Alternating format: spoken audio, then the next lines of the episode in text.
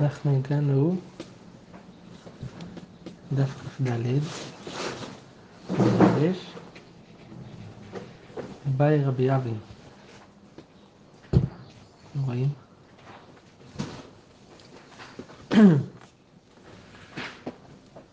באי רבי אבין, נסתפק בדבר, תרומת הדשן בכמה. מה השיעור של תרומת הדשן? מתרומת מעשריה לפינן לה, בשניהם כתוב הרמה, כתוב והרים את הדשן, ובתרומת אה, מעשר כתוב והרמותם ממנו. אז זה צריך להיות עשירית מהדשן, או מתרומת מדייניה לפינן לה. במדיין כתוב גם כן והרמותם נכס להשם. ושמה זה אחד מחמש מאות, לא אחד מעשרה. הגמרא אומרת, תא שמה, נתנא רבי חייא,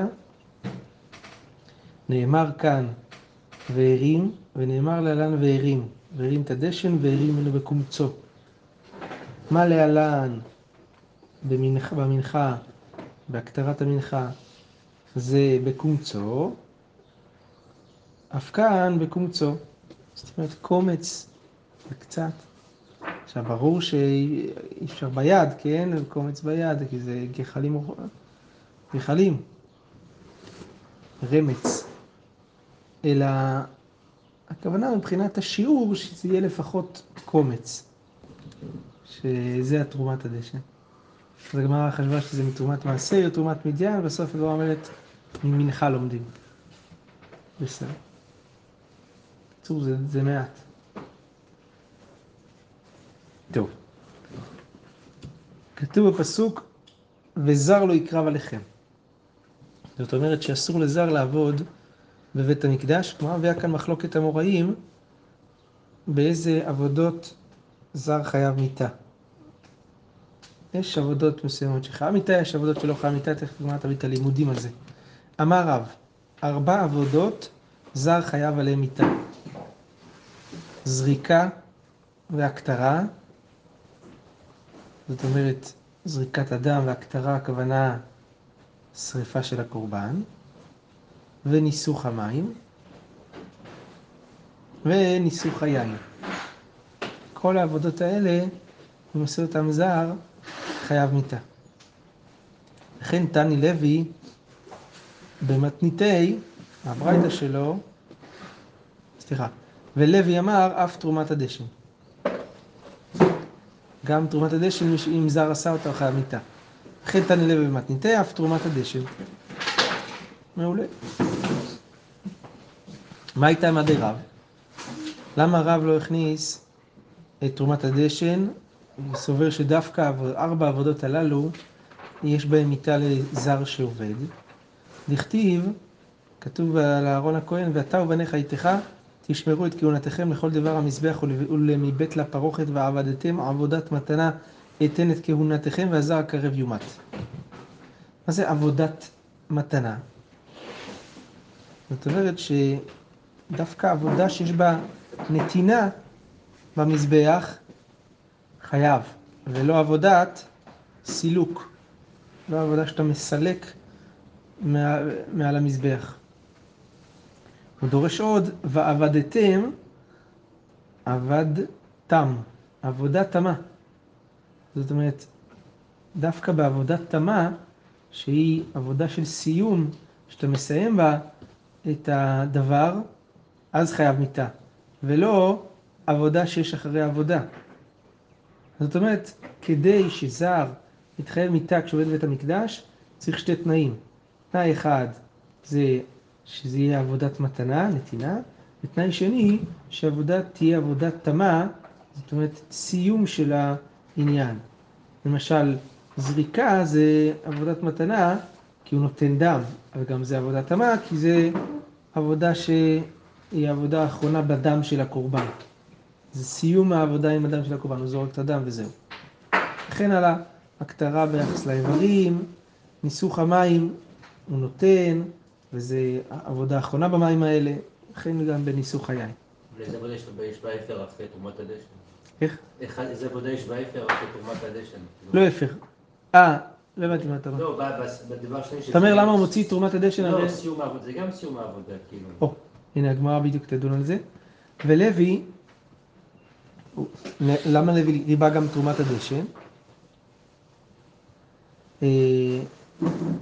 אה, אז עוד רגע, אז אתה צודק, כן, בתרומת הדשן זה לא עבודת תמה, כיוון שיש אחרי העבודה הזאתי, זה לא מתנה? לא? לא, זה לא נכון, מתנה, זה לא מתנה, זה סילוק, נכון? אז למה לוי למד שתרומת הדשן כן? שתי תנאים. אחד. כן. לוי אמר, לוי, רבי רחמנה לכל דבר המזבח. התורה ריבתה כל דבר המזבח, שגם עבודת סילוק חייב איתה, לא רק עבודת מתנה. אז הגמרא אומרת, ורב, אז מה עובד מהפסוק הזה? ההוא להטויי שבע הזעות שבפנים ושבמצורע. לכל דבר המזבח זה לא בא לרבות עבודת סילוק, אלא לרבות שבע הזעות שמזים מהחטאות הפנימיות על ההיכל וההיכל על הפרוכת בקודש הקודשים, של הפתח של קודש הקודשים וההזעות של מצורע, כל הדברים האלה, שגם בהזעות האלה חייב מיתה. זה הריבוי שלכל דבר המזבח, שרבי, רב מלמד מה, מה, מהפסוק הזה, לומד מהפסוק הזה, לא, לעומת לוי. כן. הגמרא אומרת ולוי, אז מה הוא, אה, מאיפה הוא לומד את כל הדברים האלה? ד, מ- מדבר וכל דבר. התיבות דבר המזבח היה צריך לה- להיות כתוב לכל, אה, אה, מדבר המזבח. מה זה וכל, לכל דבר? לכל זה לרבות גם בדברים האלה, את ההזעות הללו. ורב, דבר וכל דבר לא דריש, בסדר. מכאן אה, הפינג פונג של הלימוד, בסדר.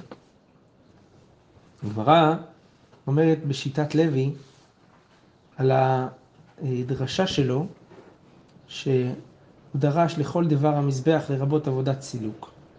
הגמרא אומרת, ואימה לכל דבר המזבח כלל, עבודת מתנה פרט, כלל ופרט, אין בכלל משהו בפרט, זה הכלל. זאת אומרת, יש לנו לכל דבר המזבח, זה, זה אמירה כללית, אבל אחר כך כתוב עבודת מתנה. אז איזה עבודת המזבח, איזה דבר המזבח? רק עבודת מתנה. כלל ופרט, אין בכלל משהו בפרט. עבודת מתנה אין, עבודת סילוק לא. אמר קרא, אומרת הגמרא, פסוק אומר, ולמבית לפרוכת ועבדתם. זאת אומרת, אה, בין הכלל והפרט שמה, יש את המילים ולמבית לפרוכת ועבדתם. אנחנו דורשים מזה אל מבית לפרוכת, כלומר, בעבודות שנעשות בקודש הקודשים שמבפנים של הפרוכת, הוא דעבודת מתנה ולא עבודת סילוק. אה, בחוץ אפילו עבודת סילוק. מה שאנחנו אומרים, שדווקא עבודת מתנה, זה נכון, דווקא אל מבית לפרוכת. הוא מבית לפרוכת ועבדתם. אבל מה שהוא לא מבית לפרוכת, כלומר, הוא בחוץ, הוא לא בקודש הקודשים, אז אפילו עבודת סילוק, זר שעבד בה חייב מיתה. אז הגמרא אומרת, אי הכי, אם אתה, אה, אם הפסוק לכל דבר המזבח בא לרבות גם עבודות סילוק ולמבית לפרוכת, זה אומר שרק בעבודת בקודש הקודשים יש את המיעוט ו, ו, ו, וזה לא כולל עבודות סילוק. אז ועבדתם נמי, הפ- הפסוק מקודם שדרשנו ועבדתם, שהחיוב מיתה זה רק בעבודה תמה, ולא בעבודה שיש אחרי עבודה, אז גם את הפסוק הזה נמי, אותו דבר, זה גם קאי אל מבית לפרוכת. הרב, אה, מה שלמדנו לגבי פחת וכלל. כן, זה סברה, נכון? זה לא, זה לא סברה, זה, מידות שהתורה נדרשת בהן. 13 מידות שהתורה נדרשת בהן. אז לכן אפשר לגזור דין מיתה על זה. כן. זאת אומרת, התורה אה, כתבה פסוק, ולימדה אותנו איך דורשים את הפסוק הזה, ומכאן אנחנו מכניסים את, אה, הרי על הפסוק הזה כתוב מיתה. שאלה איפה, מה כתוב בפסוק הזה, אנחנו קוראים אותו לפי הכללים שהתורה נתנה לנו. כי אם היה סברה, יהיה אפשר, נכון? לקבוע מיתה על זה. סתם אין, לא. נכון, אין. אה, מסברה, עקרונית כן, אין עונשים מן הדין, ואחת מהסברות ש... מהסיבות שאין עונשים מן הדין, זה בגלל שזה סברה ולא... זה זה צריך אה, פסוק. השאלה, מה כלול בתוך הפסוק? למרות שזה הבנה, זה עדיין נקרא פסוק. כן?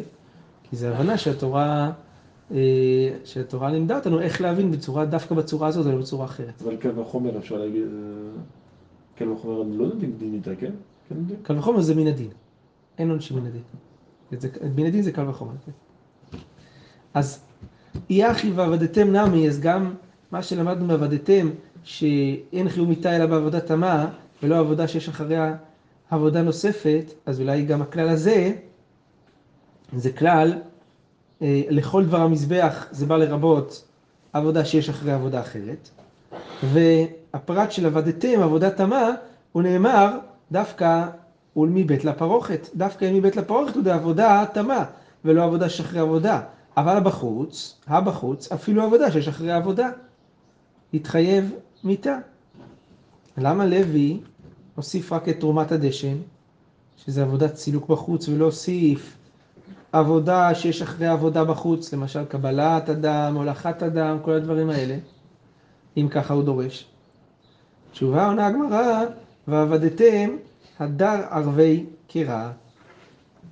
ועבדתם כתוב, עם תוספת של ו'. הפסוק חוזר ומערב את מה שכתוב בהתחלה, לכל דבר המזבח, מערב אותו.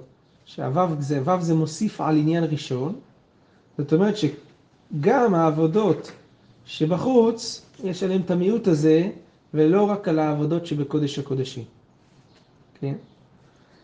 ולכן, בפסוק עבודת מתנה שממעטת את, ה, את העבודת סילוק, שם אין וו.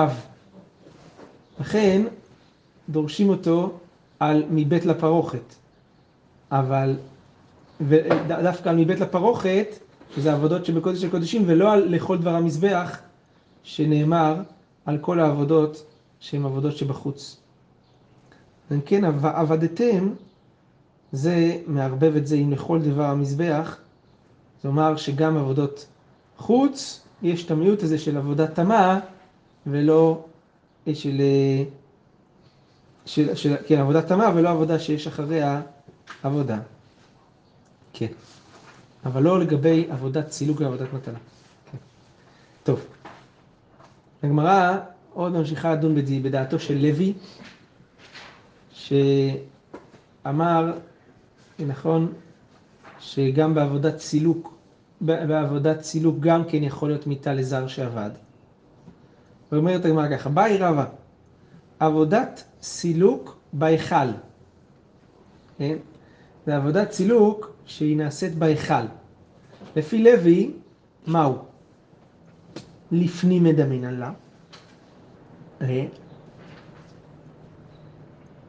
האם אנחנו מדברים את זה, את ההיכל לקודש הקודשים, ואז אה, ואז לא חייב מיתה בעבודת סילוק. כמו שלוי אומר בקודש הקודשים. או לחוץ מדמין עליה, וכמו שבחוץ הוא סובר שיש גם בעבודת סילוק מיתה, אז אותו דבר גם בהיכל. איפה, מה הסטטוס של ההיכל בתוך הדבר הזה? פנים וחוץ. כלומר אומרת, הדר פשטה, אחרי שרב השאל, הסתפק, הוא פשט הספק שלו, כתוב מבית לפרוכת. לא כתוב כך, כתוב אול מבית לפרוכת. זה התוספת הזאתי? מבית ולמבית. ולרבות שגם בהיכל דינו כמו מבית לפרוכת. כלומר קודש הקודשים וזר שעבד בו עבודת סילוק לא חייב מיתה. אז הגמרא אומרת, אה, מכל הספק של רבא, שהוא הסתפק על ההיכל, על עבודת סילוק, אנחנו לומדים שעבודת מתנה בהיכל חייב מיתה. אם זה לא עבודת סילוק אלא עבודת מתנה, אבל בהיכל חייב מיתה. אז הגמרא אומרת, אלא מעתה, זר שסידר את השולחן, הוא נתן, הוא הניח על גבי השולחן. לחייב, שהתחייב מיתה, כי זה עבודת מתנה בהיכל. אז הגמרא אומרת, איכא סידור בזיחים, זה עוד לא סיום, זה לא עבודת תמה. נכון? כי אמרנו שעבודת מתנה, אה, הוא הסתפק לגבי עבודת סילוק ופשט שעבודת סילוק לא חייב מיטה בהיכל, נכון? רק עבודה של נתינה מצד אחד, אבל מצד שני אנחנו יודעים ש... אה, אנחנו רואים שבעבודת מתנה כן חייב, כן? אבל זה צריך להיות עבודת תמה, זה פשוט. אז הגמרא אומרת, זר שסדר את השולחן זה נתינה, זה לא סילוק, אז שיתחייב. תשובה, נכון, אבל זו עבודה שהיא לא עבודה תמה, כי היא כסידור בזיחים. אז לכן, לא מתחייב בזה. טוב, אז הגמרא אומרת סידר בזיחין, לחייב. מה? כן, מה זה בדיוק? הנחה של הבזיחים על ה... הרב, כ"ד, כן. מדובר במיטה בידי אדם, נכון? היה במיטה, שמה אני חושב שכתוב על מיטה זה בידי אדם פה, נכון? לא? בידי שמיים. כן, נכון, זה ככה נשמע בפסוק. כתוב, אה, איך ככה הפסוק הולך? וז- וזר, איך כתוב שמה? וזר לא יקרב עליכם.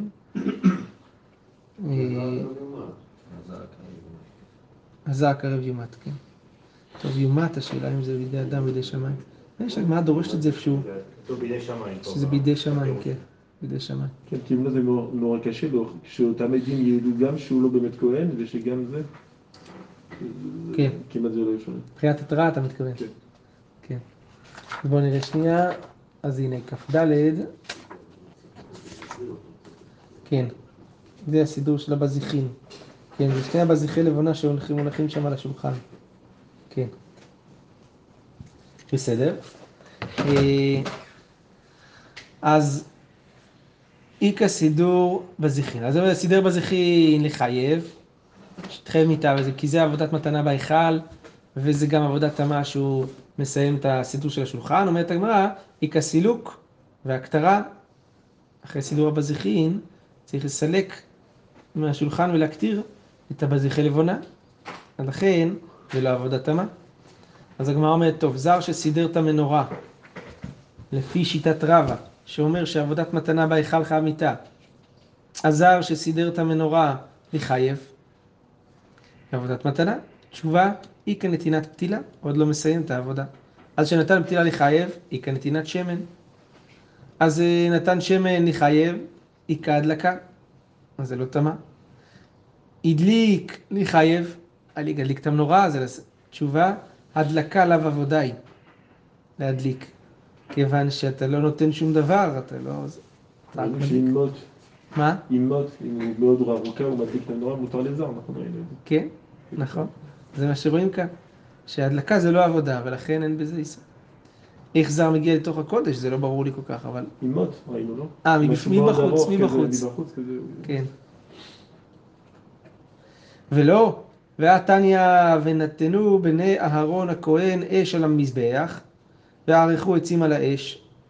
אתה אומר שהדלקה לא נחשבת עבודה, והרי כתוב בברייתא, ונתנו בני אהרון הכהן אש על המזבח וערכו עצים על האש. לימד על הצתת עליתה, זה קיסמים כאלה, שהיו מניחים בין עצי המערכה כדי להדליק איתם, שלא תהא אלא בכהן כשר. בואו נראה אם רואים פה את העליתה. כן. כן, לא רואים את מה הוא מצית, אבל כן. לא תהיה אלא בכהן כשר. אז רואים שההדלקה חייבת להיות בכהן כשר ובכלי שרת. הכוונה בבגדי כהונה. אז הגמרא אומרת, הצתת אליטה עבודה היא, הדלקה לאו עבודה היא. יש הבדל בין הצתת אליטה, עליתה לבין הדלקה של המנורה. למה? הצתת אלית, עליתה זה, זה טורח, לכן זה עבודה. אבל הדלקת המנורה זה לא נחשב עבודה כי זה לא טורח, כן? כי הוא מדליק את רוב הפתילה והשלהבת עולה מאליה.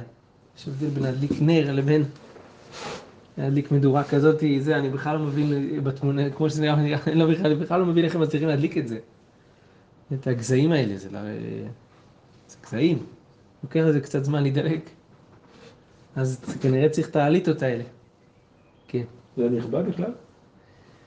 זה, ראינו שהיה אש תמיד תוקד על המזבח, אבל השאלה באיזה מערכה ובאיזה, כן. ואמרנו גם שמצווה להביא מן האדיוט, להביא אש מן האדיוט. אה, בסדר.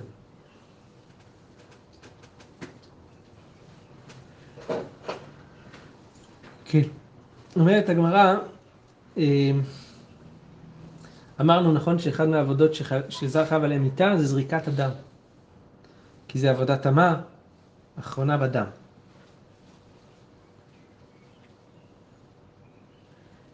בסדר, אומרת הגמרא, אלא מעתה. הזר שסידר את המערכה לחייב. זאת אומרת, כמו שזריקת הדם זה עבודה תמה, כי זה עבודה אחרונה בדם, אז גם זר שסידר את המערכה במזבח לחי. למה? כי זה עבודה אחרונה בסידור העצים. אז הגמרא אומרת, איכא סידור שני גזירי עצים. צריך לסדר שני גזירי עצים על המערכה, היא בהקרבה של הקורבן תמיד. אז הגמרא אומרת, טוב, אז סידר שני גזירים לחייב.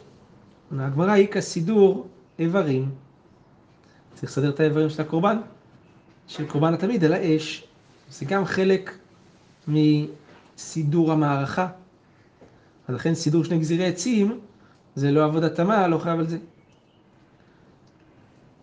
אה, אז הגמרא אומרת על זה, והאמר רב אסי אמר רבי יוחנן, זר שסידר שני גזירי עצים חייב,